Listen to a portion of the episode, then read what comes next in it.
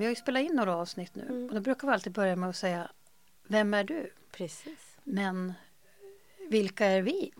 Så vilka är vi då? Vem är du Kristin? Ja, jag är Kristina Rosenius och jag är framförallt då det vi ska prata om i den här podden, mamma till Emma som var en fantastisk person som eh, tyvärr då eh, dog när hon var 24 år gammal. Vem är Linda?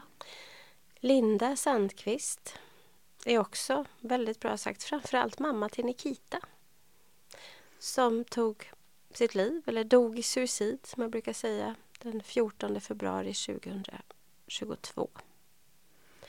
Och du och jag träffades genom att jag kontaktade dig efter att jag sett ett inslag på TV4 Nyhetsmorgon där du berättade om krisrutin Emma som vi kommer att prata mer om i framtiden.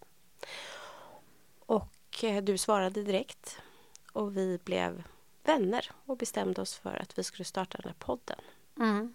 Och det här har ju varit en, en eh, resa för oss att eh, komma igång med den här podden. För det är ju det är mycket smärta i det som vi pratar om. Men vi vill ju också lyfta fram den här glädjen att man, det finns ett liv efter.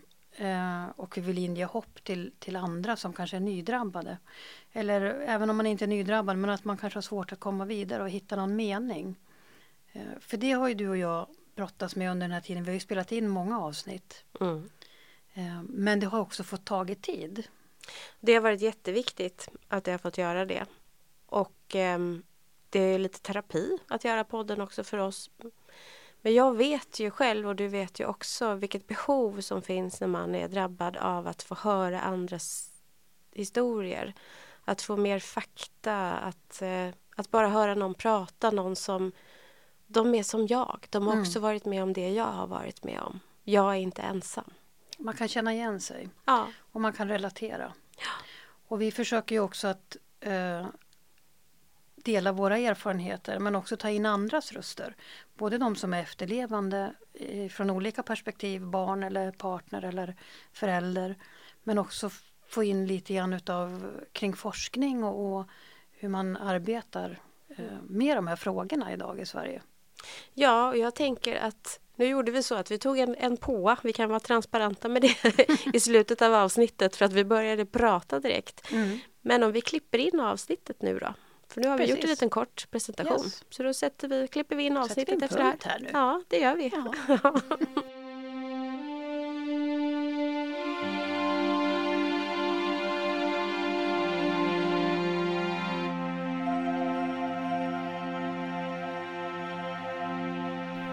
Ja, nu är det januari. Vi sitter eh, på PPP, eh, People, People, People, som vi får låna den här podcaststudion utav. Mm. Och det är då Spoon som jag jobbar deltid på som också är med och sponsrar det. Det är vi jätteglada för. Ja, det är vi. Väldigt Det trevligt. är mysigt här. Ja, det Lite det. ombonat så här. Lite eh, hårda stolar bara. Ja, det är lite, man får lite träsmak. precis. Vi har ju spelat in ett antal avsnitt och vi sa ju det att vi, ehm, vi gör ju det här, det är ett ideellt arbete med den här podden som vi gör för att vi tror att det behövs. Det behövs röster som har överlevt en närståendes självmord. Mm. Precis. Och det behövs också, eh, för en tanke som vi har är ju att det ska få plats med många olika upplevelser och många olika åsikter. Så att det, eh, det finns ju lika många anledningar som eh, människor som faktiskt dör i självmord skulle jag säga. Ja, vi upplever det olika, vi har olika syn på det. Vi, eh, vi har ju gjort, nu då så har vi gjort bland annat ett avsnitt med Suicide Zeros generalsekreterare och diskuterat självmord ur det perspektivet. Mm. Eh, Vi har pratat med Ullis vars mamma tog sitt liv. När hon var ganska liten. Faktiskt. Ja, nio år Mm. va? Så då blir det ju lite grann från barnperspektivet. Ja, och att hon själv också hamnade i att hon var nära Mm. att ta sitt liv. Vi har pratat med Örjan som förlorade sin son Love och skrivit en bok om det. kommer ut med en ny bok här i dagarna också om Mm. suicid. Den får vi väl prata med honom mer om sen. Han har ju ganska väldigt intressanta, kanske för en del kontroversiella tankar kring suicid också. Men det är ju också just precis det som vi tycker att man ska få ha.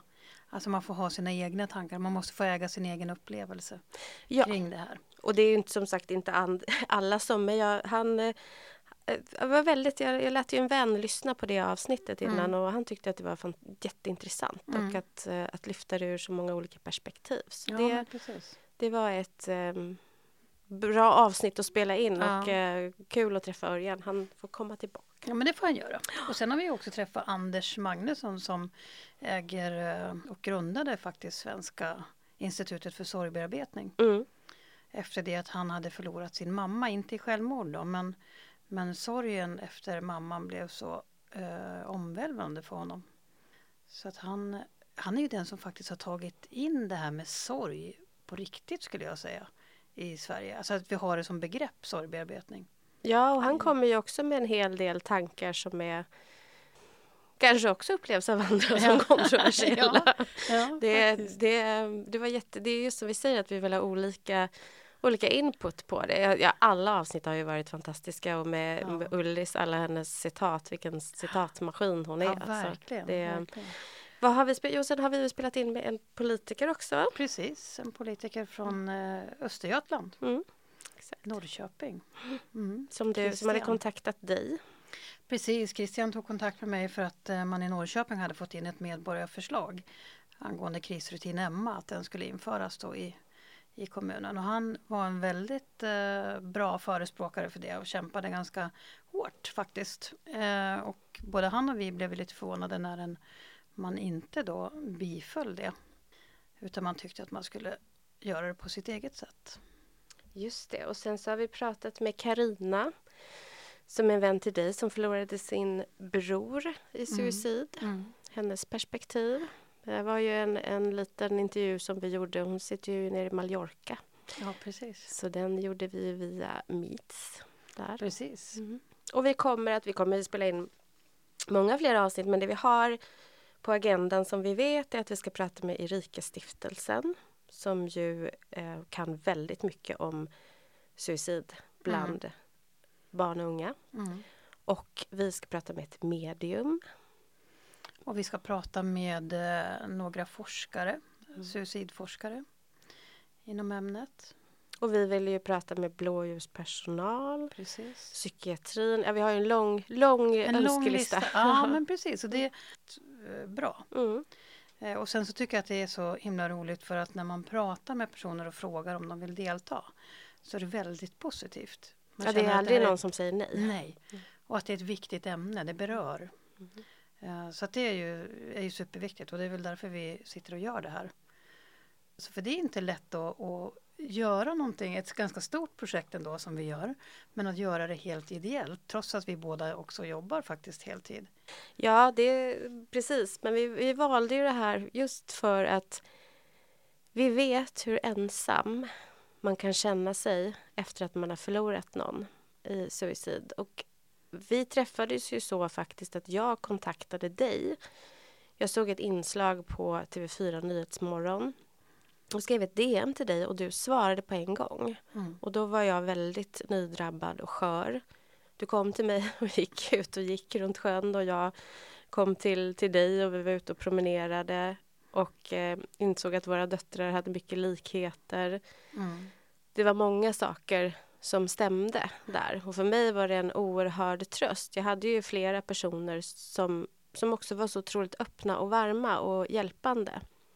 Och det tycker jag att jag märker bland oss som är drabbade. Man tappar ett, ett, ett lager på något sätt som gör en både sårbar men också öppen på Mm. ett sätt. Ja, men precis. Man, man blir väldigt fort eh, personlig och privat skulle jag säga. Mm. med andra efterlevande för att man har alla andra filter försvinner ju. Ja. Det är totalt oviktigt vem du är eller din bakgrund eller vart du bor eller vad du jobbar med utan det är ju det är den här äh, fruktansvärda händelsen som gör att vi binder samman på något sätt. Och det gör ju också att man kan lägga ner liksom allt det andra. Det finns ju ingen fasad att hålla upp här. Utan här är ju verkligen, ja men det är ju inne i hjärtat på en gång. Det värsta har liksom redan hänt mm. oss. Så det, det finns ingenting kvar att förlora. Lite så, lite så känns det ju. På många sätt. Ja, och så tänker jag så här, det är så värdefullt också. Nu är det ju för min del då så eh, i december förra året då så var det ju åtta år sedan Emma dog. Mm. Eh, vi är inne på nionde året nu så det är lite längre tid som har gått för, för min del. Men man är ju oerhört, som du sa, ensam när det väl händer. Och därför så blir det ju också så viktigt när man får höra de här historierna som man kan, man kan känna igen sig i. Att man, man förstår att man är inte ensam om det utan det finns andra där ute också. Och det finns ett liv, det här är inte det livet som jag ville ha. Det här är inte det livet som jag skulle ha valt såklart. Men det är ett liv. Mm. Och du har kommit längre än mig. Eh, man slutar aldrig sörja. Det är bara, det, det, det gör man inte. Sorgen ändrar skepnad. Eh, man blir bättre på att, eh, tycker jag utifrån mitt perspektiv nu, så bättre på att parera smärtan som kommer. Först i början så är det som spjut rakt in i hjärtat och, och jag ska vara ärlig och säga att det tog tid innan jag bestämde mig för om jag skulle leva vidare eller inte.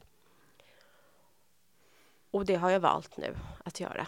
Mm. Eh, och den, den här processen som är, tror jag också, kring ett suicid. Vi pratade faktiskt om det igår, vi satt på en AV. Det är också en sak, man blir ganska privat som du säger med mm. människor som mm. man kanske inte känner jätteväl. Man går in på de här tunga ämnena. Det skapar ju väldigt mycket skuld hos alla människor runt omkring. Så ett sånt dödsfall är så speciellt. För alla som blir drabbade ja, utav det. Absolut. Det är ju, och de flesta självmorden sker ju i en impulshandling så att det är ju ingenting heller som man kanske i de flesta fall ens förstår att den här personen mår så himla dåligt så att det ens är ett alternativ. För så var det i alla fall för oss. Vi hade ju, jag menar Emma led ju av en, en fysisk sjukdom eh, som begränsade hennes tillvaro ganska mycket. Eh, hon fick vänta väldigt länge från att få en diagnos från sjukvården vilket gjorde att hon mådde dåligt, inte bara fysiskt utan också det att, att man misstrodde eh, henne när hon berättade för sjukvården hur, hur hon egentligen mådde. Men eh, det är ju... Ja, jag blir lite rörd här nu. Ja, jag också. det är väl det som händer också, har hänt i, i samtalen att tårarna kommer ibland och det bryts och vi låter det bara vara så. Ja, och just det här som jag, jag tänkte säga det, det var ju det här att det var helt vi var helt oförberedda. Mm. Vi hade ingen erfarenhet av, av uh, självmord eller ens att vi hade någon i vår närhet som, som hade någon erfarenhet. Så att man, man blir, alltså det blir ju en enorm kris i en, de efterlevandes liv. Och ja, det, det, det var ju samma sak för mig också. För jag tror aldrig man tror att det ska ske. Det pratas om krig nu och, och, jag tar bara det som ett exempel. Det tror man aldrig ska ske. Och det, jag vill inte säga någonting om det överhuvudtaget mm. i, men, men det, det, sker krig och jag tror inte att de som har blivit utsatta för, för det och hamnat i ett krig någonsin har trott det ska ske heller. Det är väldigt, väldigt svårt. Det är mm. ingenting...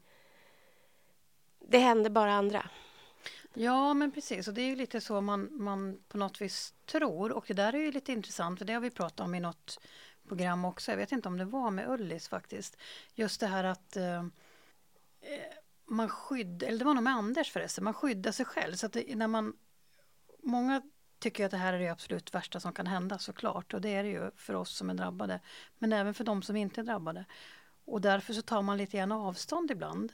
Ja. Eh, ifrån den familjen som har blivit drabbad. Mm. Precis som att det skulle smitta. Ja. Att man är rädd att kan det här hända i den där familjen då kanske det kan hända i min familj. Man vill inte liksom sätta sig själv i, i relation längre till det här som har hänt för att då kan det ju också hända mig. Ja, och tankarna runt omkring det är mycket lättare att dela upp det i vi och dem. Ja, men de måste, den familjen måste ha gjort någonting fel och jag gör ju inte det så då mm. kommer inte det här kunna hända mig. Precis. Och det är ju lite myter och så som vi också vill hjälpa till och, och, och krossa. Bland annat det här med att man måste vara deprimerad för att begå självmord. Mm.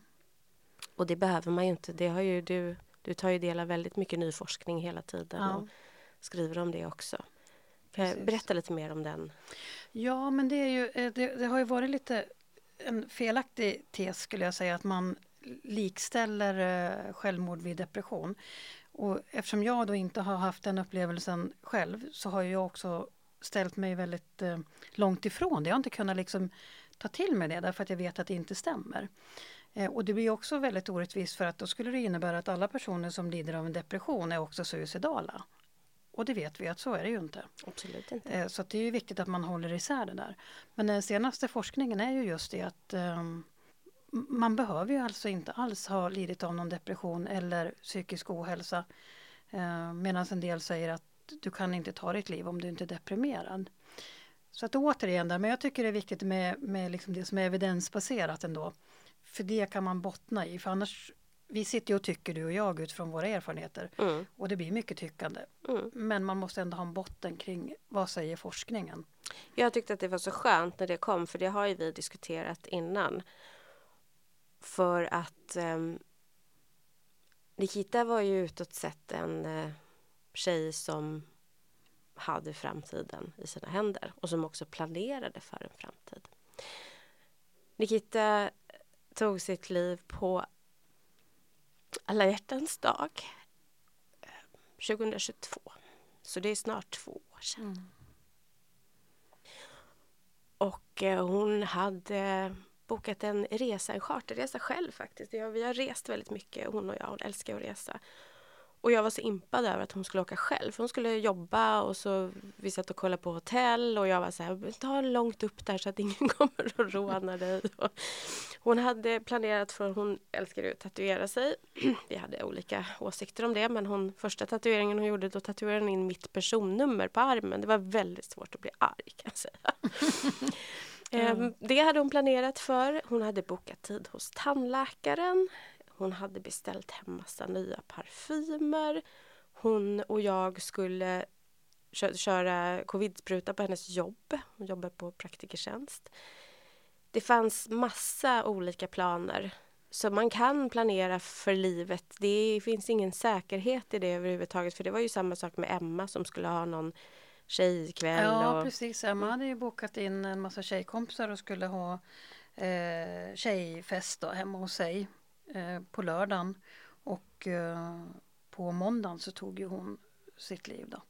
Och det var ju samma där eftersom jag tog ju hand om, säkert som du också gjorde, all post och allting som kom liksom som man måste ta hand om efteråt. Och det var ju samma där Emma hade beställt smink ifrån något, så här, ja, något företag som kom liksom eh, i hennes brevlåda. Och, och hon var liksom också mitt i livet. Så att, och det här hade hon, de här beställningarna hade hon gjort bara någon dag innan hon tog sitt liv. Ja. Och det tycker jag talar jättemycket för att det är i de flesta fall en impulshandling. Ja, och vi är ju säkra på att det var en impulshandling i båda våra döttrars fall. Och eh, inte ens säker på faktiskt att det var meningen utan att jag ser det som att det var skitjobbigt just då. Och hon behövde tysta rösterna. Jag vet inte hur jag ska uttrycka det Mm. annars men bara tysta och få lite jävla lugn och ro ett tag. Ja men lite grann som att hjärnan blir kidnappad. Ja, Att det, och som, eh, jag gillar det här uttrycket som Claes Bergling brukar säga om, om som han uttryckte det när Tim hade tagit sitt liv. Att det var som en tågkrasch. ja Att det verkligen. bara liksom, Mm. det, man kan inte liksom, ja, jag vet inte, jag tror, vi vet ju inte eftersom vi inte har varit där själva men, men jag tror att det är som en våg som sköljer över och sen så har man liksom ingen man ser ingenting annat, man måste bort ifrån den där smärtan bara som är just där och då. Och Ja, att det man är ju- kidnappad. Ja, och det kan ju vara så att det inte ens är meningen att man ska dö. Man ska bara bort en liten stund. Ja. Jag vill bara dö nu, men jag vill inte vara död imorgon. Och så mycket impuls, det pratar vi med Ullis om också, impulsgrejer som, som jag har gjort och som säkert många av oss har gjort. Som man sen kan känna, "Puh, det där ångrar jag, gud vad Mm. korkat det där var. Men det här är ju en handling man inte kan ångra. Nej, men också, det är ju också viktigt att tänka på att man, hjärnan är inte riktigt utvecklad förrän man är 25. Nej. Eh, nu kanske jag säger fel, men jag tror att det är 24-25. Jag tror också att det är någonstans Ja, där man brukar prata alla om. fall. Mm.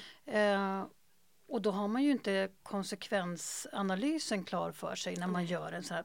Och så lägg dessutom på att eh, man mår fruktansvärt dåligt och att man befinner sig i ett jättesvart mörker måste det ju vara, tänker jag. Ja, och det finns så många. Jag vill också återknyta till det du sa att hon inte blev tagen på allvar. I, för det har jag ju funderat på mycket i Nikitas fall. Att eh, hon hade svår anorexi när hon var i tonåren. Eh, hon mådde inte så bra i vissa saker av och till i livet som det kan vara när man är ung och anorexin var ju fruktansvärd. Jag var hemma med henne ett halvår då. Hon eh, vägde bara 27 kilo, lilla stackaren. Mm. Och jag åkte in till sjukhuset och de tog inte emot oss. Det var fruktansvärt jobbigt. Hon hade också sen efter det så fick hon vad jag tror är följdeffekter utav det. För hennes hälsa var lite sådär. Hon hade ofta hög feber. Hon var vuxen men jag följde ändå med till vårdcentralen som den chicken mamma jag är. Ja men vet du, det gjorde jag också mamma. Hon ville faktiskt Ja, det ville, det ville Nikita också. Och det är lite fint i det känner jag. Ja men det tycker jag också. Ja. Jag följde gärna med men tyckte inte att hon heller blev tagen på allvar. Och det har varit så många gånger och sista gången var ju bara i januari när hon faktiskt gick iväg till vården och berättade att hon har tidigare självskadebeteende hon har börjat dricka för mycket, hon tyckte själv. Och hon sover inte ordentligt på nätterna. Hon har just gått igenom en separation. Och hennes ätstörningar börjar komma tillbaka. Allt det där var för sig är stora, stora, stora varningstecken. Och hon blev inte tagen på allvar där heller. Och det är någonting jag bara vill flagga och ta med i. Att det är så viktigt ta människor på allvar. Mm. För det tog väldigt mycket emot för henne att gå och be om hjälp eftersom hon då har blivit nekad flera gånger. Och så gör hon det äntligen och så blir så återigen så blir effekten sån. Det får inte ske. Jag vet att det, bara, det är vi bara människor som arbetar i vården och så. Vi ska inte hålla på och kasta eh, paj på, på någon i det här. Men vi behöver prata om verkligheten och jag vill bara skicka med det. Ta människor på allvar. Ja, men och jag kan känna så här, det, det, när man pratar om vården och den vårdkris som faktiskt är och, och där. Det är ju inte de enskilda personerna som Nej. man pratar om.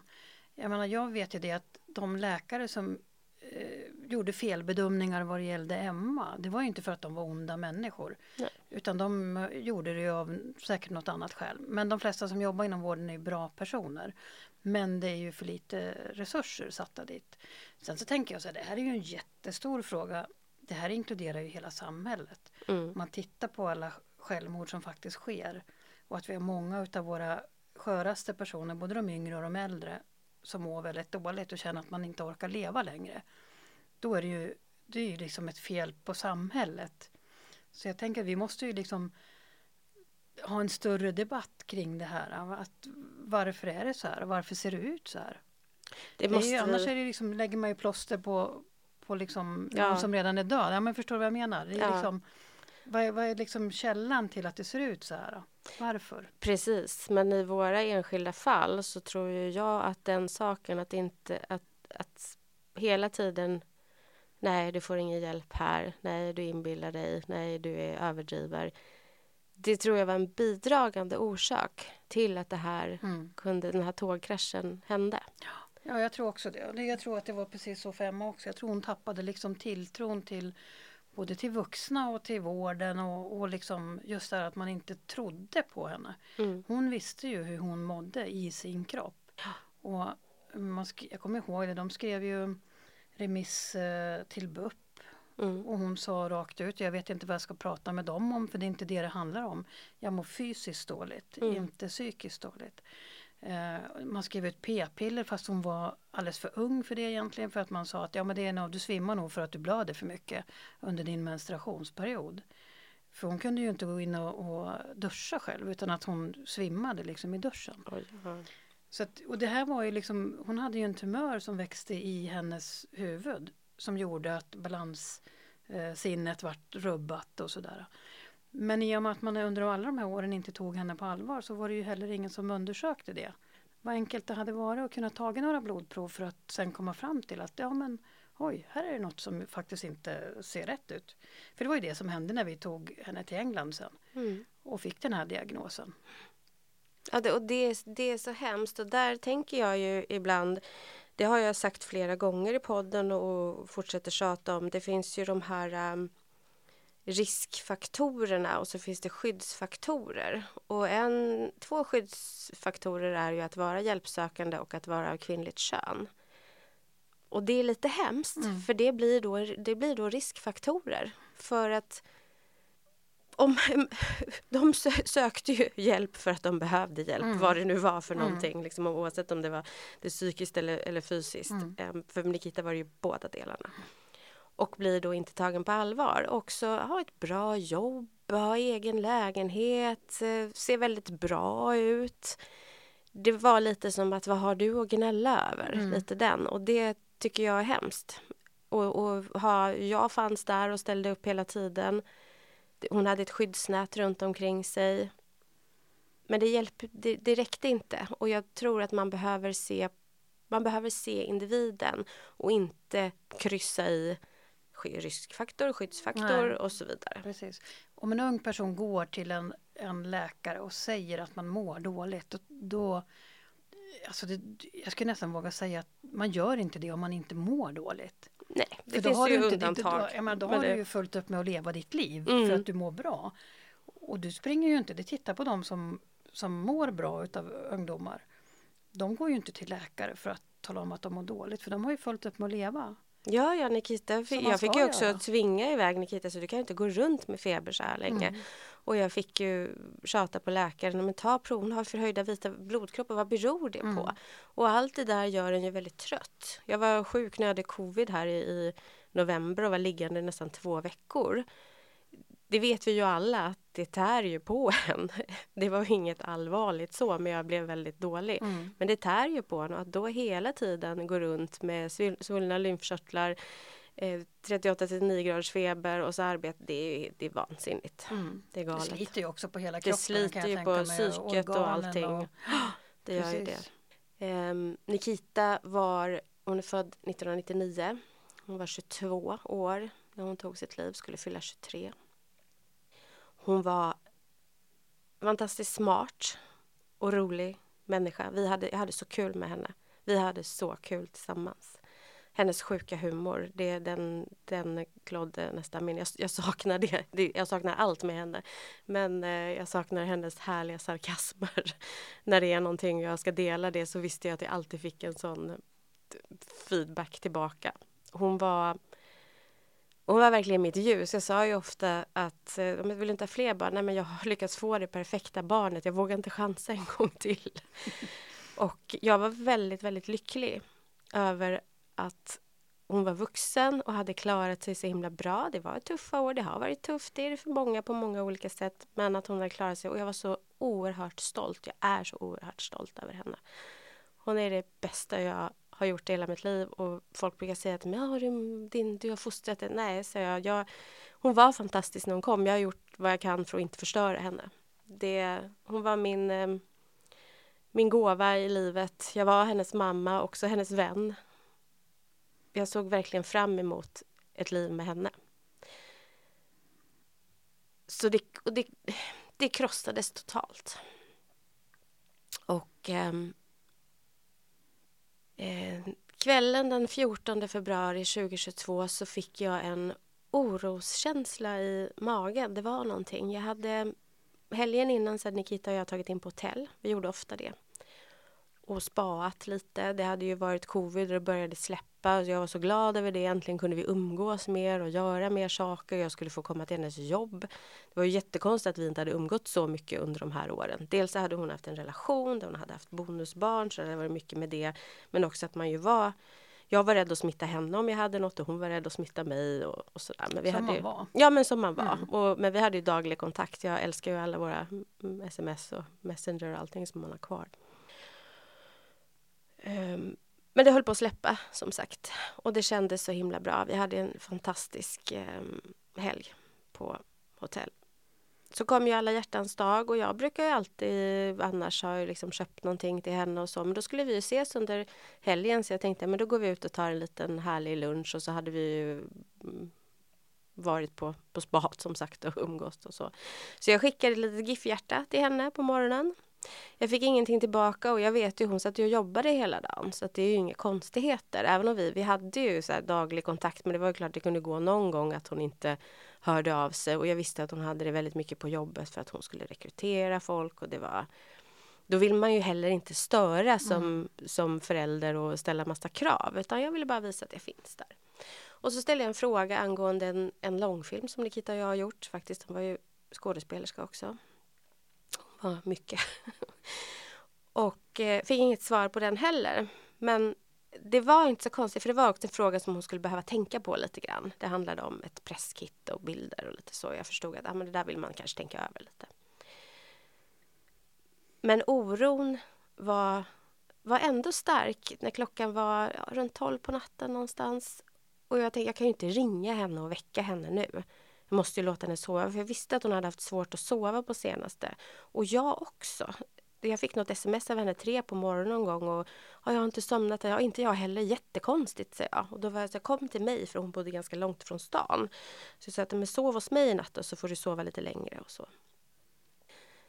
Men jag faktiskt bad till Gud. Jag är inte troende, men jag knäppte händerna och bad till Gud för att ja, det var en så väldigt, väldigt konstig känsla. Och så dagen efter så hade jag mycket jobb att göra, så att jag jobbade hemifrån. Och eh, så fick jag meddelande från hennes kompis att hon inte hade kommit till jobbet. Och jag ringde upp. Jag minns inte alla detaljer, det här är ju väldigt, väldigt eh, suddigt allting. Jag ville inte oroa mig, man skjuter bort det. Så hon har säkert försovit sig, jag provar att ringa också. Eh, ja, jag får väl åka dit ikväll om hon inte skulle ha hört av sig, säger jag. Vilket jag liksom... Jag ville ju släppa allt, men jag ville samtidigt inte gå in i den verklighet som fanns. Så jag ringde en vän som är polis och när hon hörde mig så, så tog hon mig på allvar direkt och det gjorde mig väldigt rädd. Så hon sa att du... Eh, ja, det, du, då ringer du 112 eh, och så säger du så här och så här så får de åka dit. Men då skickade jag hennes... Hon var ju kompis med sitt ex som bor närmare henne så jag ringde henne och hon åkte till Nikita direkt men Nikita öppnade ju inte dörren. Och då ringde jag ju 112 eh, jag skickade till jobbet också. Det har hänt någonting och min chef tog mig genast då på allvar. Vilket också var eh, hemskt på något sätt. Mm. Inte det här att ja men hon kanske har försovit eller det kanske mm. är. Utan alla runt omkring som jag pratade med, pratade med fler, tog mig på allvar. Min kompis Kajsa kom hem till mig till och med. Så det måste ha varit någonting i min röst som sa det. Att det var för 112 reagerade på en gång också. Det var inte så att ja, men hon kanske har och hon har ju inte varit borta länge och sådär utan de åkte dit. Och det gick inte att få upp dörren för det var en säkerhetsdörr. Och Kajsa då, min kompis, sa att ja, men vi, vi tar en eh, taxi hem till mig så hämtar vi min bil så åker vi ner mot där hon bor så att vi är där så, slipper vi sitta här och vänta bara. Och vi tog den där taxin och i taxin så... Ja, det blir rörigt nu, men det, vi hade också fått ringa brandkåren då för att komma in. Och då fick hon ett sms att ja, men vänd igen och åk hem till Linda. Och jag visste ju, jag visste ju då vad som hade hänt. Och, men hoppet är ju det sista liksom.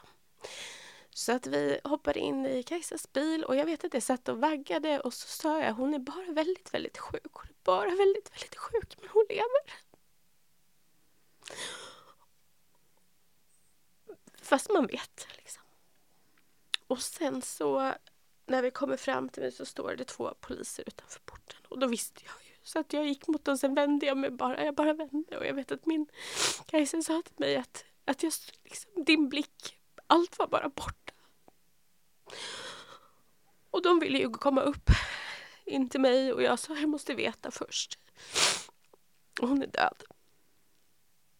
Och så frågade jag hur har hon gjort det? Och då sa de hur hon hade gjort. Och då var jag så här, men då är det inte hon, sa jag. För det är omöjligt, det går inte. Då var det någon, det är någon annan. För hon, nej hon har inte gjort så. du vet ju själv hur tankarna liksom mm. går. Och sen så gick vi upp i satt i soffan. Jag minns fortfarande att en av poliserna hämtade vatten och man måste liksom vattnet måste rinna rätt mycket för det blir så här äh, immigt annars. Och så kom han med det och jag blev liksom arg. det, det är ljummet! det, det är detaljerna där och det ja. som jag liksom minns. Och eh, de satt kvar ett tag. De frågade om jag ville ha en, en diakon som kom dit. Ja, sa jag. Och så ville jag bara att de skulle åka. Och så ville jag berätta för människor runt omkring. För att jag, det kändes som att för varje människa jag berättade för så har det inte hänt det, jag, jag, kommer ihåg min egen ologik i allt det här. Och eh, Diakonen kom och var helt fantastisk. Verkligen. Och eh, huset fylldes ju av vänner och min särbo och alla. Um, jag hörde av mig till min bror och jag sa att du måste, jag kan inte ringa mamma och berätta det här. Du måste hämta mamma och berätta det. Och det gjorde han ju. De kom ju också upp direkt. Och det är en jävla dimma. Eh, allt det där runt omkring som vi också ska gå in på, allt det där som man ska sköta, som man ska lösa. Du ska ringa din, döds, din dödsfallshandläggare. Mm. Jag ville se henne på en gång, det fick jag inte för det skulle ju, hon skulle hon skulle obduceras. Och eh, det var också hemskt att inte få, få se henne förrän efter mer än en vecka. Och liksom legat var så kall. Mm de bilderna över när jag såg henne kommer jag eh, aldrig någonsin att få bort från. Jag är glad att jag gjorde det. Jag, måste, jag var tvungen att veta att det var hon. Jag var tvungen mm. att ge någon slags avsked. Men det är det hemskaste, mest fruktansvärda jag någonsin har gjort i hela mitt liv. Och jag vet att jag la mig halvt över henne för att värma för hon var ju så kall. Eh, jag såg henne två gånger också när hon hade fått kläder på sig. Och jag minns att jag tyckte det såg så otäckt ut med hennes mun för att den... Det såg ut som att hon var arg. Eller liksom rädd. Och det var inte, för mig så såg hon inte fridfull ut och det var, det var hemskt. Det var riktigt hemskt. Sen har jag fått en del förklaringar för, till varför det kan se ut så.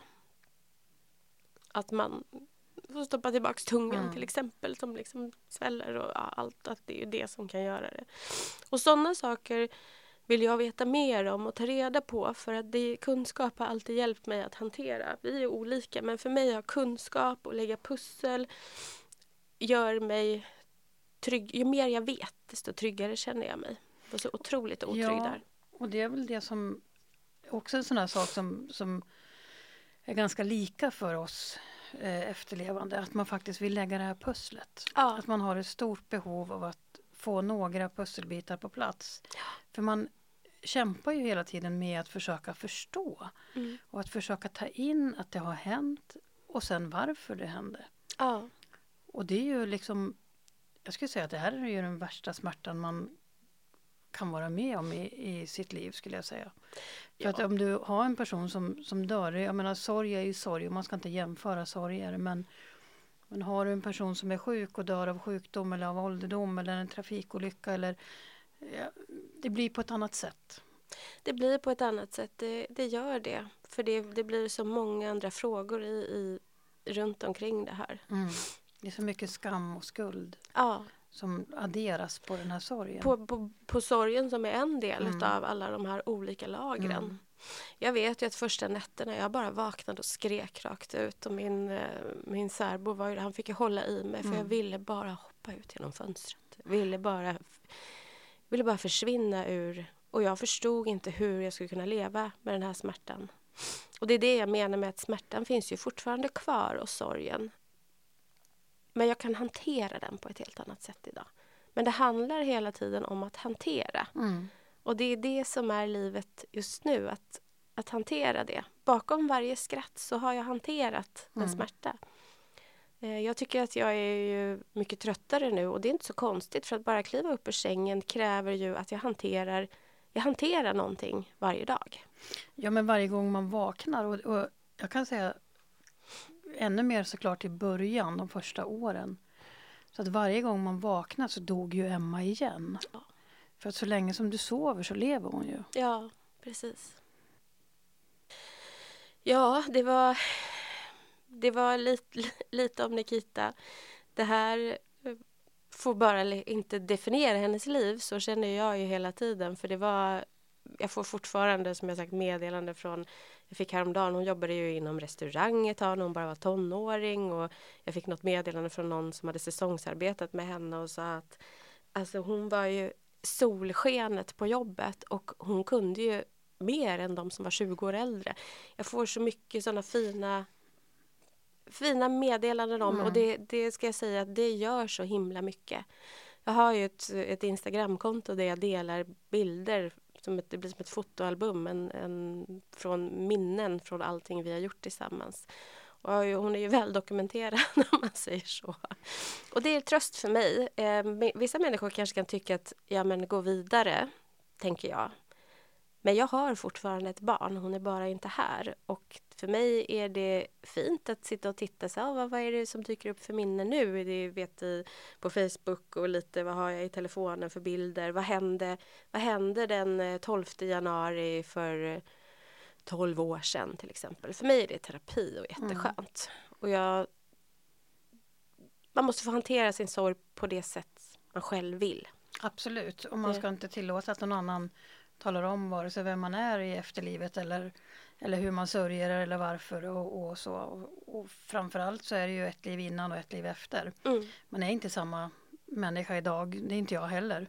Jag är ju en helt annan person skulle jag säga på många sätt. Vi sa ju det så vi är inte lika roliga som förr men jag tycker Nej. du är rätt rolig ändå. Måste jag säga. Vi skrattar ju mycket. Ja men det gör vi och det är ju också en sån där härlig grej som vi också pratar mycket om att vi vill ta upp också och mm. belysa. Mm. Att man kan bli lycklig igen. Ja. Och man, det är okej okay att skratta. Mm. För jag kommer ihåg första gången som jag faktiskt, jag satt i bilen och hörde någonting så här jättedråpligt på radion. Mm. Och du vet när man får ett sånt här askarv som man inte kan liksom kontrollera utan man bara ja. skrattar rätt ut. Ja. Och det var som om, om någon liksom slog mig i magen samtidigt. Mm. För det blev liksom att här sitter jag och skrattar medan mitt barn är dött. Hur, ja. hur kan jag vara så här glad? Ja. Den, den, tack och lov kommer man ju förbi sen om man kommer över och man inser att man har ju självklart rätt att få känna glädje igen. För det är ju en del av livet. Men det kan vara svårt där i början att faktiskt tillåta sig själv att vara glad eller att göra saker som man tycker är roligt. Gå ut och träffa kompisar eller gå på en fest och sådär. Eh, men man måste ju få vara den människan också för annars blir det ju ett ganska fattigt liv. Ja, och jag är så glad över att jag har så många i min omgivning som hela tiden påminner mig om att det här hade Nikita velat. Det här, hon vill att du ska göra det här. Hon vill att du ska må bra. Mm. Hon vill att du ska leva. Och det vill jag skicka med till alla drabbade också. Det ser olika ut så jag kan inte men jag tänker att den här personen tog sitt liv, inte ditt liv. Mm. Precis. Det, och den personen skulle ha tagit ditt liv om det var ditt liv den ville ta. Ja, det, ja, det, det, är ju så. Mm.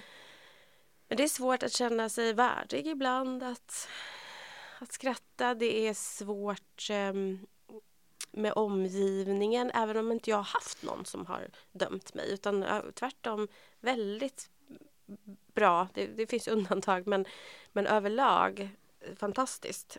Nej, och så får man väl hoppas att de som har en, en känsla av att de måste döma eller tycka någonting överhuvudtaget har den goda smaken att åtminstone vara tyst. Ja, exakt. Eh, sen så får ju människor tycka vad de vill och det tror jag att många gör. Mm. Fast man kanske inte vet det och jag vill inte veta det heller för Nej. det är för mig helt, helt oviktigt. Jag äger ju min historia och jag äger Emmas historia. Mm. Eh, det är ju viktigast. Ja. Nu pratade jag, jag vet inte hur mycket du vill berätta men... Eh, ja, men jag kan väl säga, jag är ju mamma då till Emma. Eh, Emma var 24 år eh, när hon dog. Och eh, precis som vi var inne på lite grann förut så, så Emma var ju sjuk. Eh, hon kämpade väldigt många år med ett dåligt mående eh, för att hon inte fick en diagnos. Um, men ja, Emma var ju en fighter. Men jag, jag satt och tänkte när du berättade om Nikita där att det kanske är därför också som vi hittade varandra väldigt snabbt. För våra döttrar påminner oss om varandras. Mm. För Emma hade ju också, hon var ju, alltså hennes humor var helt oslagbar. Mm. Och hon var så himla rolig och det var så här, du vet man kan, jag är, jag, alltså, jag är jättedålig på att berätta historier. För att jag missar alltid liksom poängen. Men hon hade den här tajmingen. För du kan ju berätta en sak, så har du inte tajmingen då är det inte alls roligt. Nej. Men det kom alltid sådär pang. Mm. Och man bara liksom, ungefär som jag gjorde i bilen, asgarvade. Ja, ja. Så att hon var så oväntad i sin, i sin humor. Ehm, väldigt snäll, glad också. Upplevdes som väldigt hjälpsam.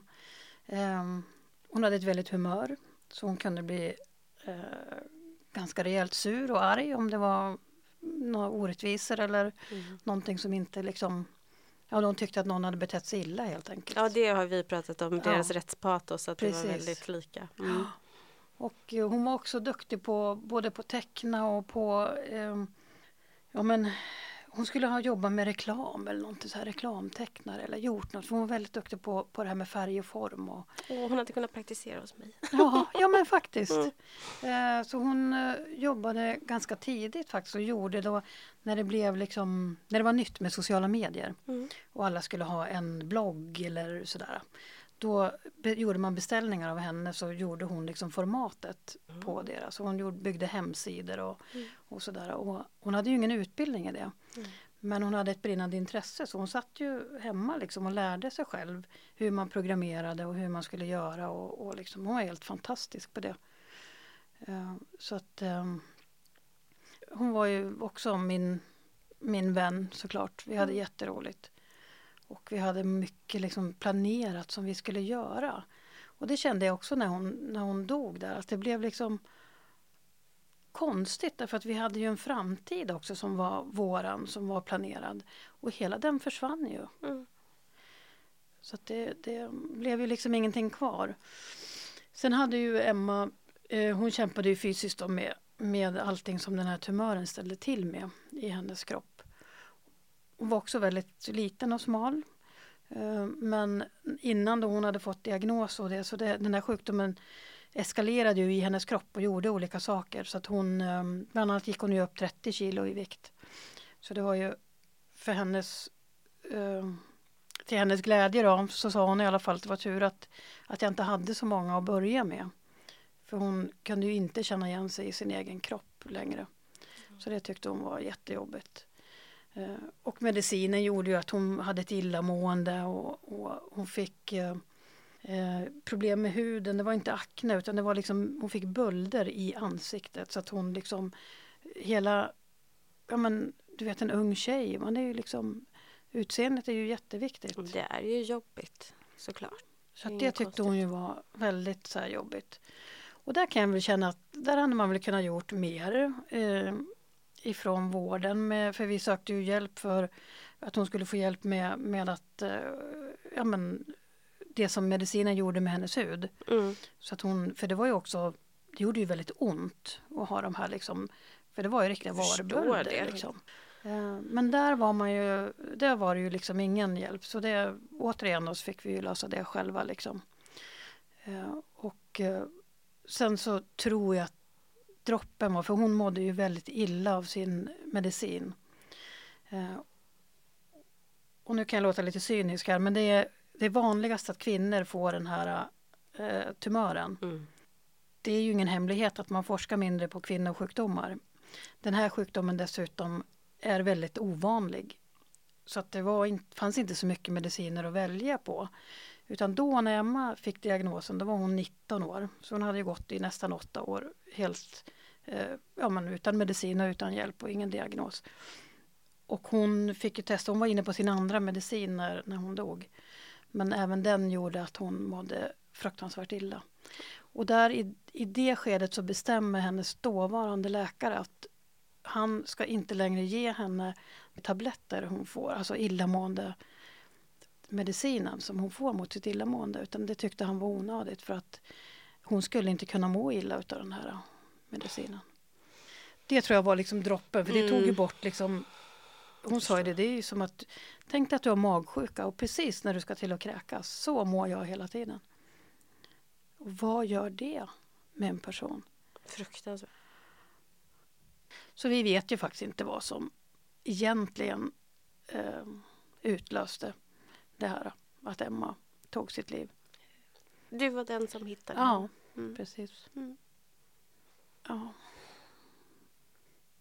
Men vi hade ingen förvarning, vi visste ju inte utan det var ju hon hade en en relation med en kille som inte var så bra fick vi veta sen Mm. efteråt att han inte hade varit speciellt snäll med henne. Och ehm, hon hade varit hos honom på kvällen och gjort slut för att hon kände väl att Nej, men nu räckte det. Och hon eh, skickade ett sms till mig och så skrev hon Vi hörs imorgon mamma och så, så här, eh, emojis med hjärtan och pussmun och sådär. Så att där ville hon ju inte dö. Nej, hon tänkte ju att ni skulle höras imorgon. Det är jag säker på. Mm. Sen går hon eh, ifrån honom och så går hon hem till sig. Och vad som hände där, det vet vi inte. Men vi vet att, för polisen gav ju oss hennes telefon efter de hade gått igenom den och sådär. Och där ser vi att det finns väldigt mycket sms från den här eh, killen då som hon hade gjort slut med. Mm. Eh, Där han skriver också att um, om du inte svarar nu så kommer jag ringa polisen. Sen så ringde ju inte han mig. Utan det gjorde han ju morgon efter då. Då var det ju för sent. För du hade nycklar dit. Mm, Mm. precis. Så han ville att jag skulle komma och eh, öppna då. För att han hade ringt till henne sa han. Hon svarade inte telefon. Han hade smsat, han hade varit hem till henne och ringt på dörren och hon öppnade inte. Och jag visste ju att hon skulle göra slut med honom och kände ju att ja, men hon var väl bara trött på att ha med honom att göra så hon hade väl bara stängt ner. Mm. Och så eh, började jag också ringa till henne och sådär och skicka sms och så men hon svarade ju inte. Och då hade jag nyckel dit så då eh, åkte jag dit. Och fick väl någon sån där liten, ja men du vet, man känner en sån här olustkänsla Mm. när jag åker dit. Eh, Hon bodde ju ganska nära oss.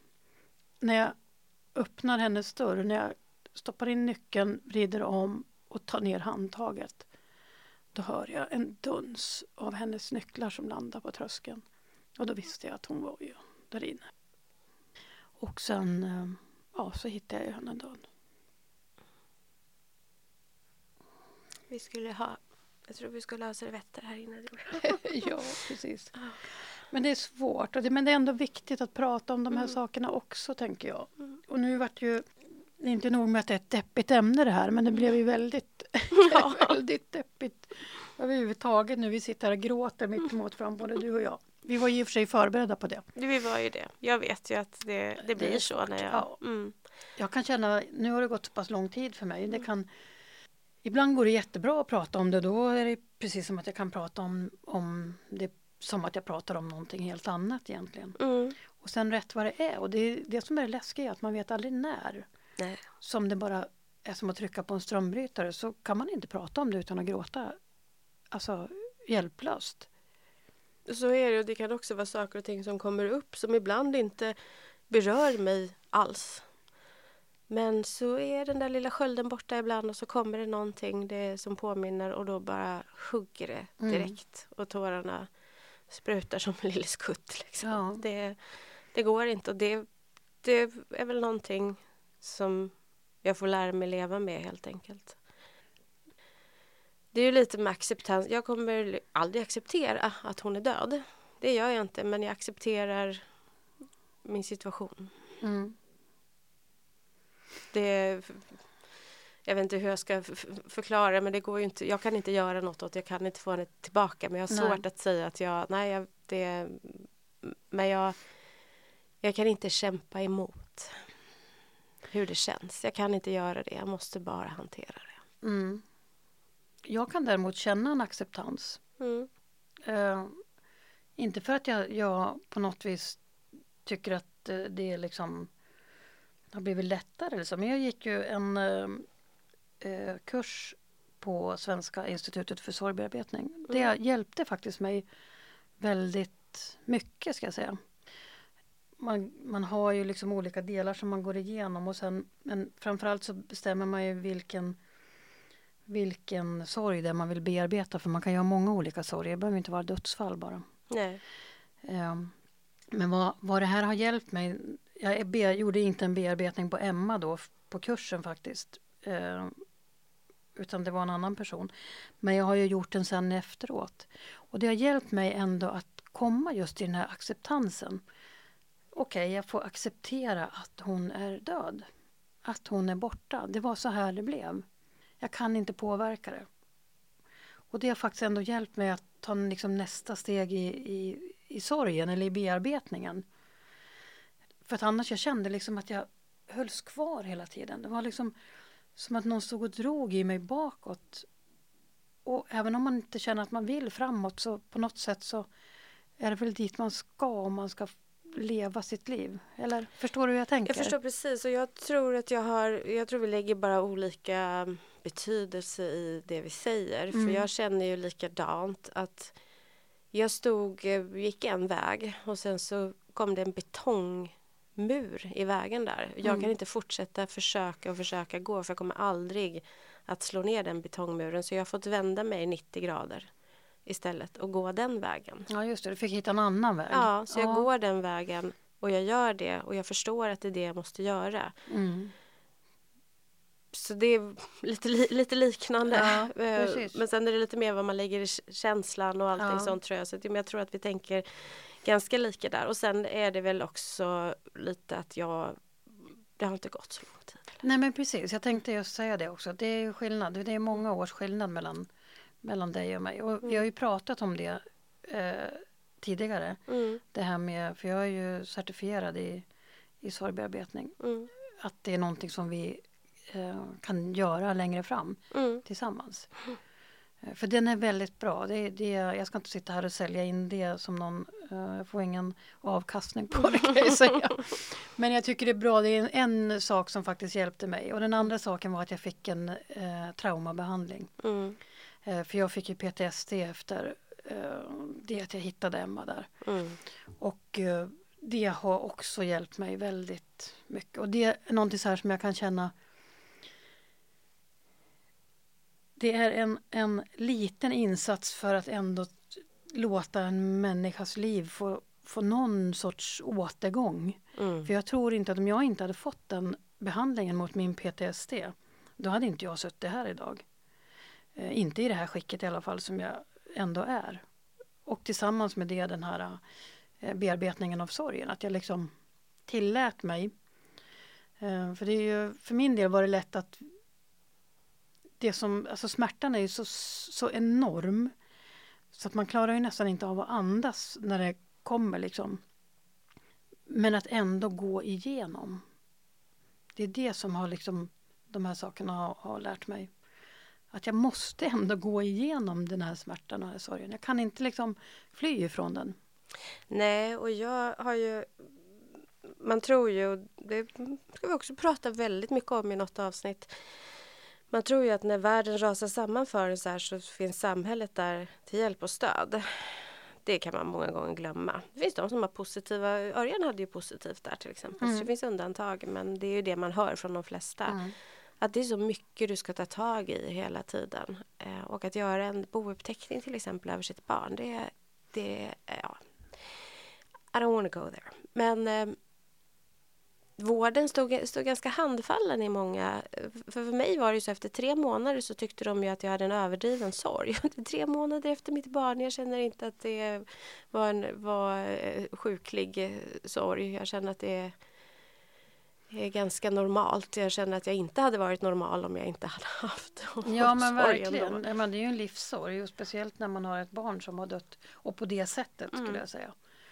Men jag tror också att det är för att eh, det är svårt. Alltså, sorg är ju ingen diagnos. Det har jag hört att många har fått som, som liksom skäl till varför man inte kan få vara sjukskriven en längre tid. För man, jag menar, vi pratar om, om sorgår. Det finns ju en anledning till att man har, har benämnt det som ett sorgeår. Absolut. Det är att det tar ju tid. Ja, och jag, det, det kan jag... Jag tycker inte att det är rätt, men jag kan förstå det. Eh, jag kan fatta att man behöver sätta något annat för att fortsätta vara sjukskriven. Mm. Men det som hände med mig var att man tyckte på riktigt att det var fel på mig. Som inte var. Och det, och, och utan ingen terapi, ingenting Nej. överhuvudtaget. Det gick inte att få fram. Träffade ju några, men det var ju så hemskt för dem det som hade hänt. De kunde inte hantera det. Nej, den har jag också gjort. Ja. Innan jag fick den här traumabehandlingen så fick jag också träffa kuratorer och psykologer och kan faktiskt, men jag upplevde det också som att de mådde nästan så dåligt över att träffa mig så att de visste inte hur de skulle kunna hjälpa mig. Nej men så, så var det mycket och sen ja. så var det det här tjatet om antidepressiva. Mm. Alltså det och nu är det så här att jag säger ingenting om de som tar antidepressiva för det här är upp till var och en så det här är ingenting som jag vill lägga på någon annan men för mig så passar inte det. Det är av flera olika skäl. Dels är det en insättningsperiod där faktiskt suicid är en av biverkningarna. Mm. Ovanlig men det är det. Och i det skick jag var så ville inte jag utsätta mig för det. Och dessutom så ville jag jag ville försörja. Jag behövde försörja. Jag, jag ville inte döva det med antidepressiva. Jag ansåg inte att jag var deprimerad. Jag Nej, du hade ju sorg. Jag hade sorg och jag har inte varit deprimerad. Depression är något annat. Mm. Det är ju ett tillstånd som um, ett kliniskt tillstånd. Jag var inte det. Jag var mm. traumatiserad och ledsen mm. över alla gränser. Och i chock. Det som hjälpte mig var, med var ju efter ett år att ha gått runt inom med psykiatrin och, och, psykologer och läkare och allting. Att bara, jag sa, nej men nu, nu skiter vi det här, nu släpper vi det här. Jag orkar inte mer, det här traumatiserar mig mer än det som har hänt nästan. Självklart inte då, men det, mm. det, det blev ju ett trauma på traumat. Mm. Så jag mådde bättre när jag släppte taget om vården. Släppte taget om att tro att jag någonsin skulle få hjälp. Mm. Det är sorgligt att det är så. Men jag mådde mycket bättre när jag slapp ha med vården att göra. Det är fruktansvärt att det är så. Och det vad som är, är om man nu ska titta liksom på vad, vad händer med med oss som blir efterlevande, vi som blir kvar och, och vilket stöd man får. Då, det man behöver det är ju ett uppsökande stöd. Ja. Man behöver ju, alltså då ju, du vet ju knappt av hur du ska klara av att ta ett andetag. Nej. När man befinner sig där. Hur ska man då ha förmågan och kraften och ens veta vad det är man behöver eller ta dig själv till vårdcentralen eller sitta i en telefonkö liksom för att få veta att du får en tid om tre månader. Det är ju här och nu man behöver hjälp. Mm. Och det är ju på grund av, skulle jag våga säga, att man inte får det som man ser det. Alltså hur stor andel av efterlevande som faktiskt tar sina egna liv hur många skulle vi kunna rädda om vi sätter in ett stöd omedelbart? Ja, för den har vi också pratat om och kommer fortsätta tjata om att det är svårt, vi, det är svårt att förutse ett suicid men man vet att det här är en, risk, det här är en riktig ja. riskfaktor. Så den är ju mycket enklare att ta tag i. Om du är anhörig till någon som har tagit sitt liv så löper du större risk. Mm. Alltså sätt in insatser för det är i alla fall någonting som vi vet att vi kan göra skillnad ja, på. Exakt. Och det är också att man tittar, man, har lite, man behöver ha lite bättre koll på sin hälsa efteråt. För det är många saker som händer i, i kroppen rent fysiskt också. Mm. Många blir ju sjuka, olika sjukdomar ja, kommer gud. efter det. Följdsjukdomar. Jag fick ju eh, helt plötsligt fick jag ju jätteont i lederna. Mm. Och det här tror jag kom faktiskt så långt som två år efter det att Emma hade dött. Och jag jobbade ju och det var liksom, ja men sådär, man var ju igång och så helt plötsligt får jag jätteont i mina leder. Och jag förstår inte vad det är. Jag tänker, har jag fått reumatism? Eller? Och jag går till en läkare på en vårdcentral då som han bestämmer sig faktiskt för att jag ska gå till botten med det här. Jag ska ta alla prover som finns. Jag ska utreda den här människan jag har framför mig för att se vad det är. Så han var ju helt fantastisk. Det, det måste jag lyfta fram. Men alla undersökningar jag gjorde, alla blodprover, alltså jag är så genomtestad. Så att, men det fanns ingenting. Och då så kommer ju både han och jag till slut fram till att, för vi resonerade ju mycket kring liksom, vad kan det vara och sådär. att det här är ju sorgen som har satt sig fysiskt i min kropp. Ja, och det är inte konstigt för det hänger ju ihop. Det är inget flummigt med det överhuvudtaget. Nej. Det är ju så det är. Och det, det tar ju, som jag säger, att jag hanterar det här varje dag. Det, är ju, det tar ju kraft. Det är ju som om du har kanske ett fysiskt handikapp eller vad det är för någonting som, måste, som du måste hantera. Det, det gör mig, som jag säger också, tröttare. För att om jag jobbar en hel dag och så har något styrelsemöte på kvällen eller någonting sånt. Då är alla människor som har gjort det, de är trötta. Men jag är också trött för att jag hela tiden värjer mig för sorgen. Mm. Och då menar inte jag att jag blundar för den eller tränger undan den på något sätt. Men det är att jag måste sätta den åt sidan. Mm. För annars kan jag inte kliva upp ur sängen. Exakt. Det går inte. Det är, det är ett ständigt arbete med att, och tankarna som flyr iväg och det kommer något. Man får liksom, nej, stopp, fokusera på det här. Mm. Det blir... ehm, jag har klarat mig relativt bra skulle jag säga. Jag har inte fått några svåra minnesstörningar eller någonting Nej, sånt. den är ju spännande för, för jag har ju fått det och Ja. du har ju sånt himla minne. Ja, jag jag är glad för det men ibland är det lite så här enerverande att du kommer ihåg allting. Du, du, du är inte den enda som säger det. det är, jag kan säga att jag har en pojkvän har ex också som är, var ihop med en jävla datamaskin. Det är fan inte roligt alltså. Jag kan berätta vad du sa, vad du hade på dig Exakt. och Och vilken så kan man bli så här, nej men vänta nu stämmer det? Och så bara, ja det gör det fan. Ja. Så mitt, mitt superminne har inte Nej, Påverkar för det. det kan jag säga. Ja, det, det, lite grann säkert för att jag var ännu värre för Så det kanske är bra då. Men, eh, men det och sen, men koncentrationen är- kan vara svårare. Mm. Tycker jag. Jag gör ju fortfarande, sen är jag en person med otroligt många bollar i luften också. Så det är inte så konstigt. Men jag har blivit sämre på det, men jag tillåter mig också att vara det. I cut myself some slack. Mm. För att jag behöver det. Jag måste inte vara på topp. Jag har inte haft någon prestationsångest. Det är inte därför som jag har hållit på som Nej, jag jag gjort. förstår. Men Jag kan känna igen mig i det där för att jag är likadan och jag har alltid tyckt om att ha många saker på gång samtidigt. mm, Och jag har alltid fått höra från andra att de tycker att jag gör alldeles för mycket saker. Och att jag borde nog inte göra så här mycket. Och jag har inte förstått vad de pratar om. För jag, det är ju liksom Det är ju så jag är. Mm. Det är ju en drivkraft som jag har. Jag tycker det är stimulerande. Men eh, det är ju också så här stressen mm, har för mig blivit, för jag har haft hög tröskel innan jag har känt att jag har blivit stressad. Men den kan jag ju känna nu. det gör jag också. Och kroppsligt så känner jag igen också. Jag är ju inte i, i form överhuvudtaget. Jag har varit fysiskt sjuk med olika saker också. Genomgått operationer under den här tiden. Så det har Mm. inte varit så jäkla kul det heller. Men eh, där känner jag ju att eh, jag hoppas nu att jag blir bättre så att jag kan röra på mig igen. Och så jag har inte kunnat göra det ordentligt och det, har ju, det hjälper ju mycket. Mm. Att bara att komma ut och gå och inte ha kunnat göra det har ju varit Det är inte bra för psyket heller. Nej men det är det inte. Och sen är det lite grann som det vi var inne på förut. Att man ändå vill på något vis känna igen sig själv eller känna sig bekväm i sig själv. Och Ja. där ingår ju faktiskt kroppen. För Ja. det är ju också en, en faktor att man vill känna igen sig när man tittar sig i spegeln och inte liksom hoppa till och undra oj vem fasen var det där jävla tanten? som är hemma hos mig? Ja.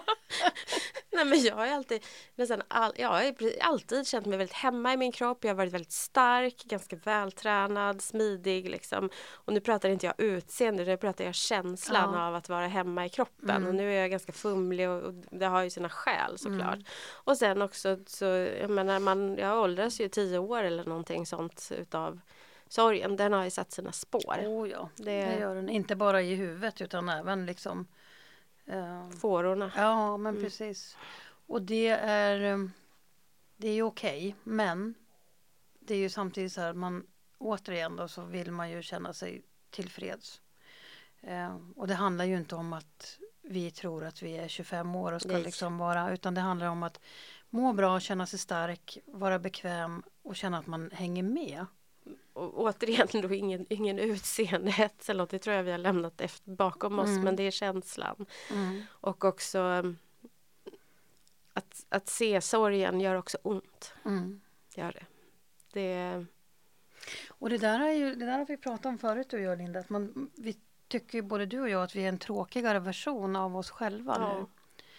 nu. Eh, och den, det kan ju kännas lite så här, ja men nästan eh, konstigt kanske att man ens ska tänka det. För så kände jag i alla fall från början när jag började liksom känna att ja, men jag är inte jag längre. Mm.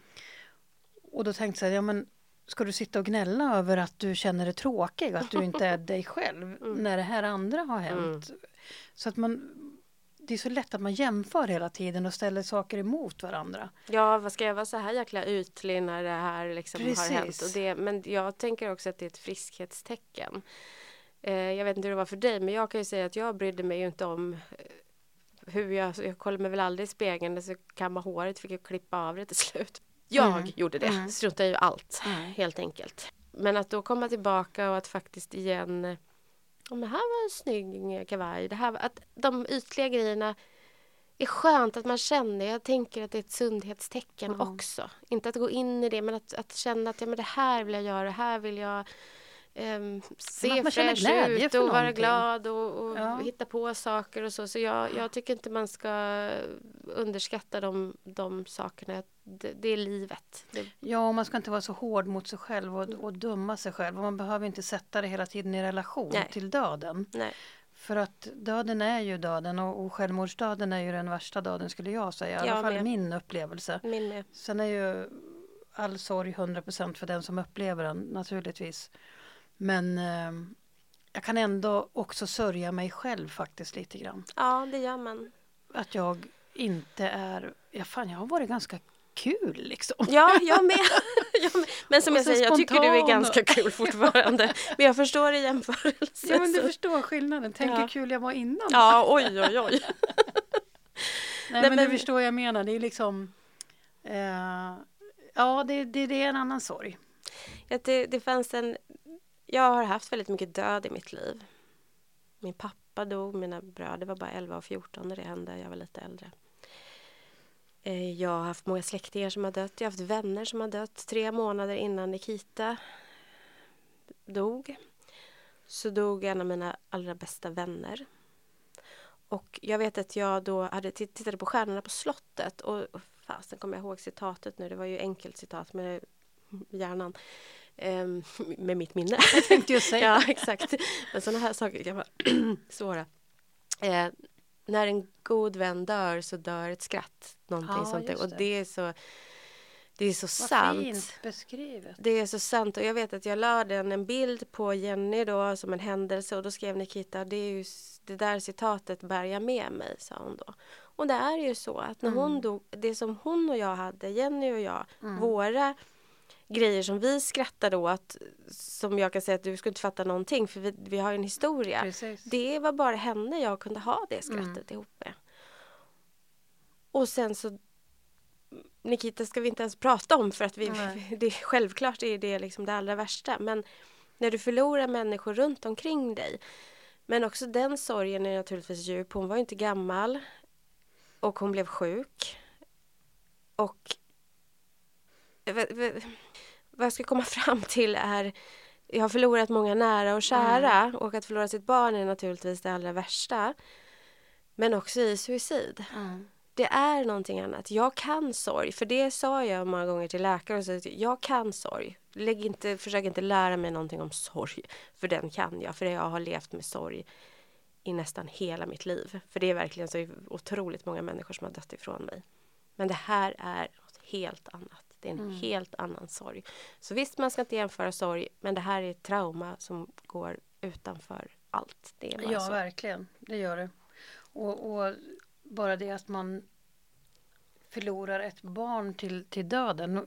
Och då tänker jag också inte bara självmordsdöden utan jag tänker också barn som blir sjuka som dör eller som Mm. förolyckas eller alla skjutningar som är nu, en barn som dör. Ja. Och liksom, ja, men att förlora ett barn det är ju det är så onaturligt. Vi ska dö före.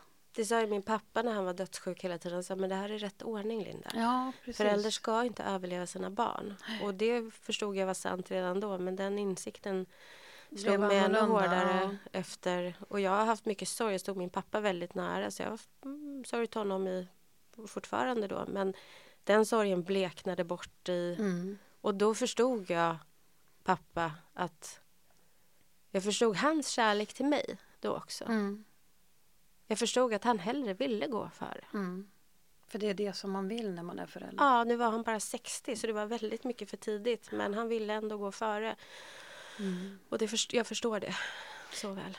Jag har ju inte haft så jättemycket, tack och lov, personer förutom då äldre personer som har dött av ålder och så, mina eh, far och morföräldrar. Men, men jag förlorade också min pappa. Mm. Eh, och han eh, gick ju några år innan Emma. Han var inte heller gammal. Han vart akut sjuk igen. Så han, från det att han blev sjuk så var han borta på 28 dagar. Mm. Eller 27 dagar. Så det gick väldigt hastigt. Men så här, sen när Emma dog. Så för Emma och min pappa stod varandra väldigt nära. Och de sa alltid liksom till, de hade det du beskriver här med, med din kompis Jenny. De hade ett eget språk och en egen humor. Det där var deras liksom. Vi Mm. kunde inte riktigt förstå den. Men de sa alltid till varandra, ingen annan är som du och jag.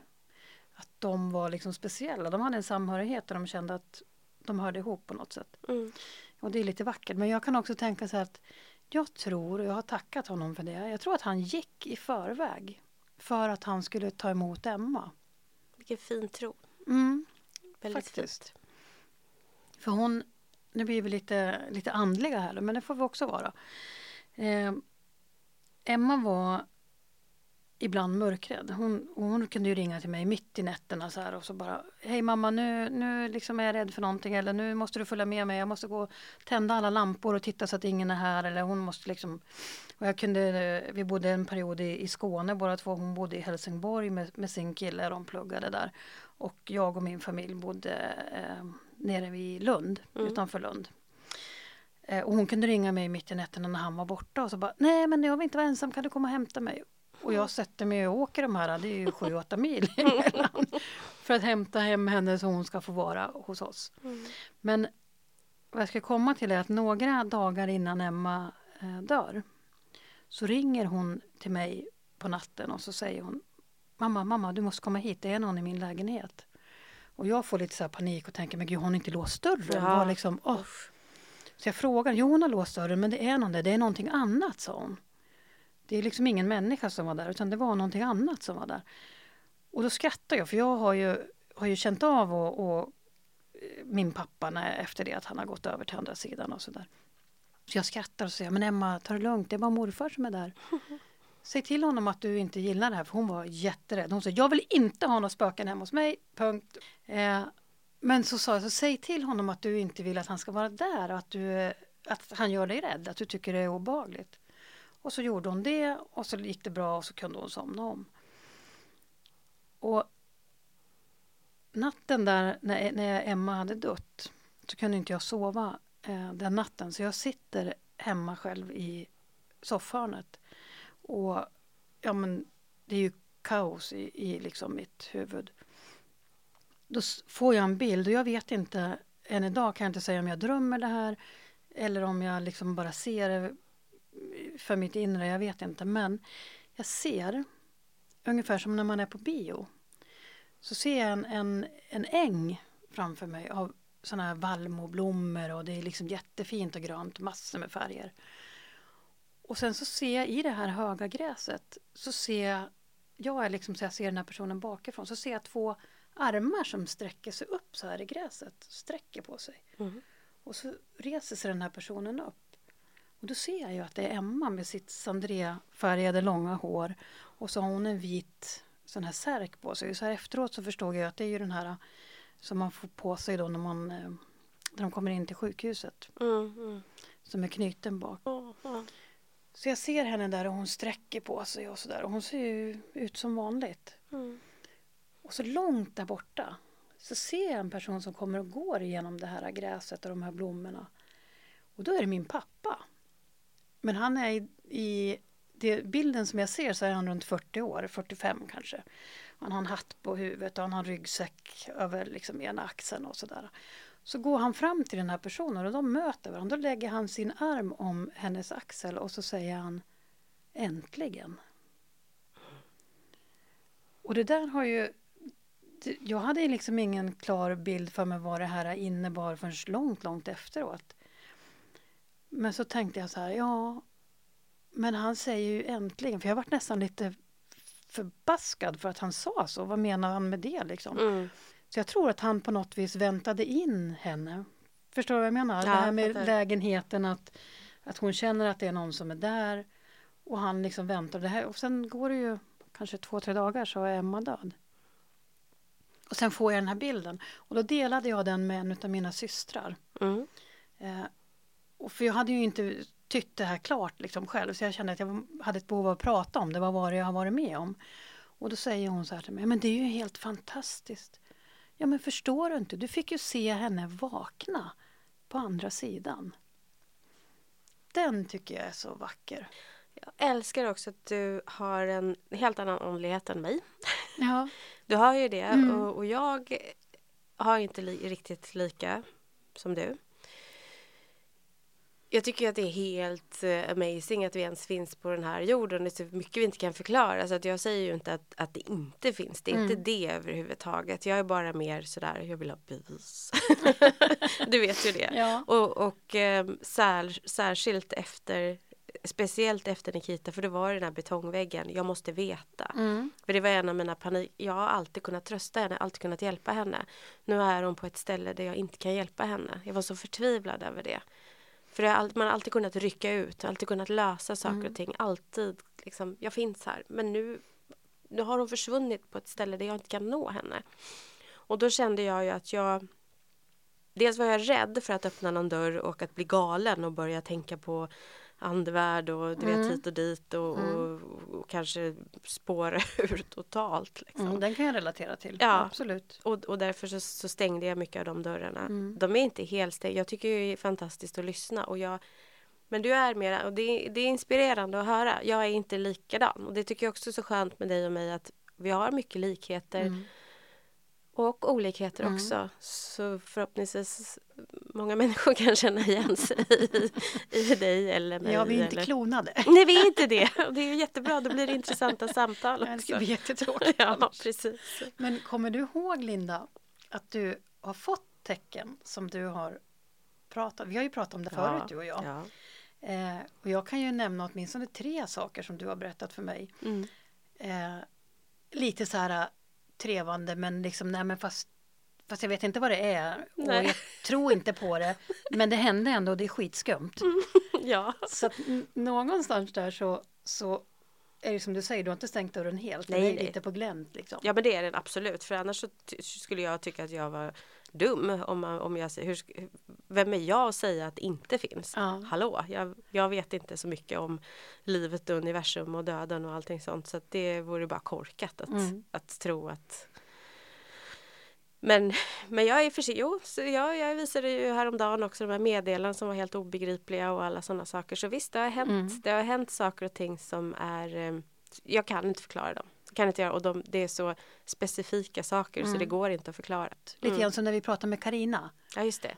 Mm. Ehm, och hon säger att hennes pappa var, är medial eller var, han är Mm. ju, lever ju inte längre. Och att hon också kan känna av det där men hon har valt att inte liksom öppna den där dörren. Mm.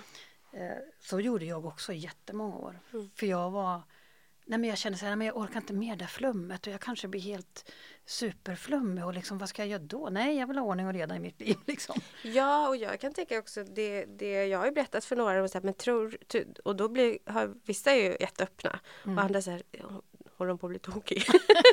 och, och det väl handlar väl om en seriositet också i det att eh, eh, ja, det, det, det är nog det också som det gör att både utåt och inåt på något Ja. sätt. Ehm, men jag är ju så öppen för andra. Det är ungefär som vi satt och pratade om igår. Jag berättade att eh, Nikita var ju homosexuell Mm.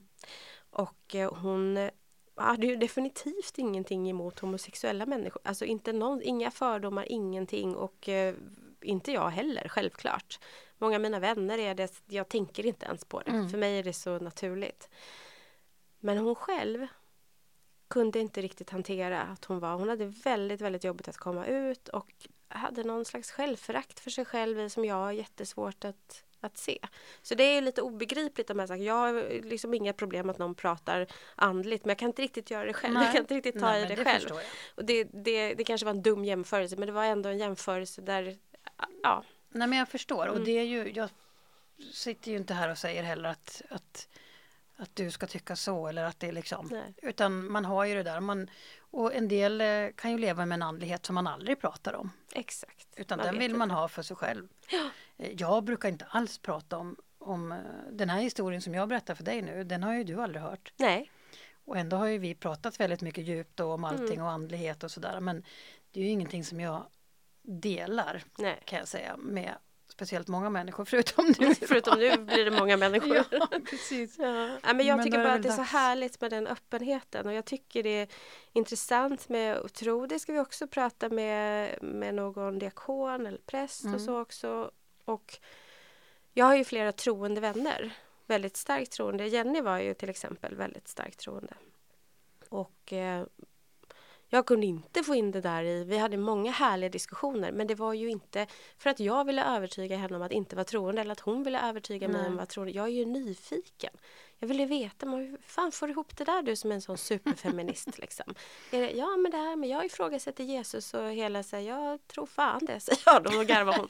Det, men jag, jag tycker det är så härligt att, att, att kunna ha så olika åsikter, olika Ja. insikter och att inte vara låst i någonting överhuvudtaget. Nej, det, är gör ju skönt. livet större. Ja, För det Det är- liksom, ju mer man har i det desto härligare blir det ju på något sätt.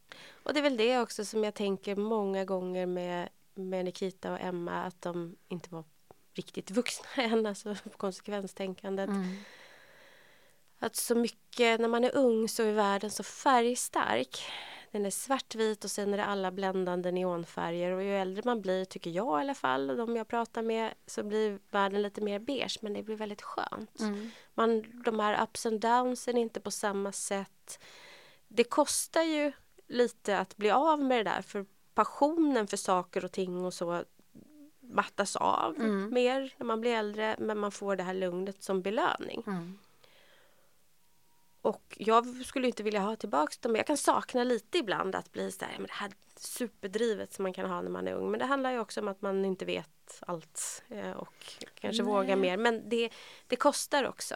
Ja men det gör det och jag tänker så här att man får ju mera erfarenhet kring, kring livet genom att man bara har levt längre. Alltså Mm. Livserfarenheten. Man ser att man har klarat vissa Ja. saker. Man vet att Och man har gjort det det här. förut. ja, men jag, jag hade så gärna velat att Nikita också skulle få uppleva det här beigea. Mm. Det här, alltså alla delar utav livet. Mm. Men jag, jag pratade ju med eh, Jonas Gardell strax efter att hon... Och för att jag blev förvirrad. Mycket konstiga, ologiska saker föregick i min skalle. Och en utav dem var ju att hon har tagit sitt liv och hon var också homosexuell. Vilken präst ska jag göra? Precis som att vi Ja, levde på medel, eh, 1800-talet. Liksom. Men det, det slog mig också så att jag kontaktade ju honom om han hade någon präst. För jag var så rädd att hon skulle dömas. Att Ja, någon skulle döma henne.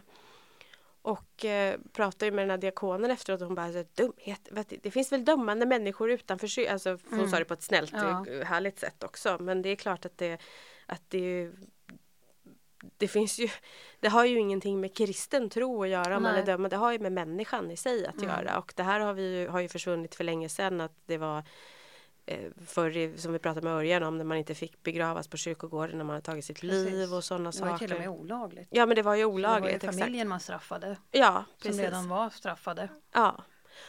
Och, och de tankarna kom ju upp. Men då satt jag i alla fall och pratade med Jonas och han berättade ju om sina vänner som dog i, i aids som flugor. Mm.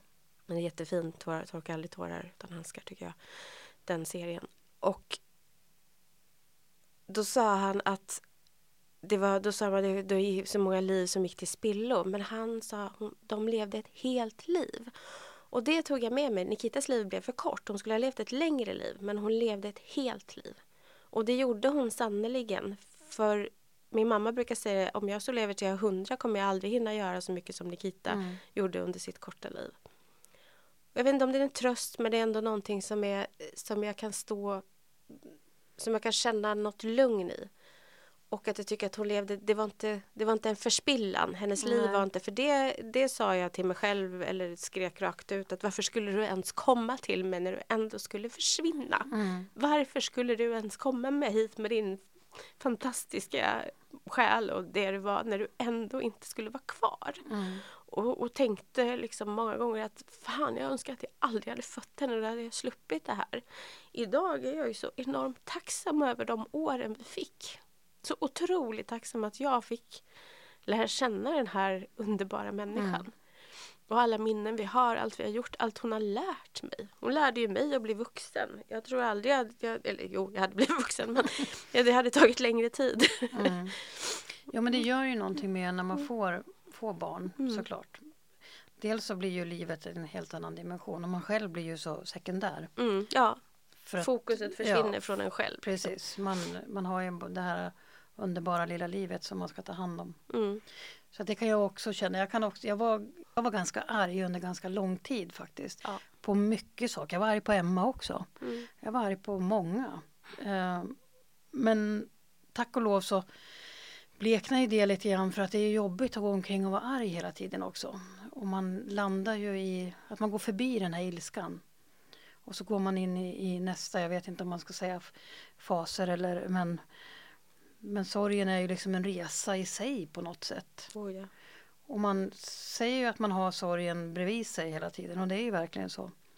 Ungefär som det du sa att du måste hela tiden parera din sorg och din smärta varje dag. Ja, Ja men den går ju bredvid dig hela tiden. ja, Vare sig du vill eller inte. ja. Det kostar att ha älskat någon så djupt. Verkligen. Men samtidigt så är man ju så tacksam. Man skulle ju aldrig vilja vara utan det överhuvudtaget. Nej. Ja, men då har vi pratat i ja, ungefär en och en halv timme nu då. Mm. Mm. Tänk att det alltid går så fort tiden ändå när vi pratar. Vi bara babblar på liksom. Ja, men nu har det blivit lite allt mellan himmel och jord och mycket av det ska vi ju liksom sjunka in i sen också. Eh, prata mer om. Mm. Men nu tänker jag att eh, poddlyssnarna kanske har fått lära känna oss lite grann i alla fall. Ja men precis och så hoppas vi att ni naturligtvis vill hänga med på den här resan för det är verkligen en resa. Det är det alla gånger. Det, ja, titta nu var det någon som skickade ett meddelande också. det kanske är det som är gånggången. Ja, ja men exakt, Ja. det är dags nu. Jag skulle bara vilja säga en sak till och det är ju att om det är någon som lyssnar eh, och känner att man vill vara med och eh, sponsra den här podden på något sätt så blir vi ju självklart jätteglada för det. Absolut. Och man kan också följa oss på Instagram. Eh, Suicide Survivors Podcast. Mm. Där finns vi också. Och eh, om det är så att man vill komma till studion och dela med sig av någonting eller har några andra frågor så går det att höra av sig. Men då är det också viktigt att skicka med som jag brukar göra min andra podd också. Att vi gör det ideellt så vi svarar i mån utav tid. Mm. Det är inte det att vi inte... Vi, vi skulle gärna jobba heltid med de här frågorna men eh, eh, om vi inte hinner så, så handlar det inte om dig utan det handlar om vår tid helt enkelt. Mm. Precis. Ja. Ska vi Vad se om det härligt. kommer en till gång eller ska vi avsluta? Ja, jag tror vi avslutar Ja, men vi gör det. Bra. Hej då! Hej hej!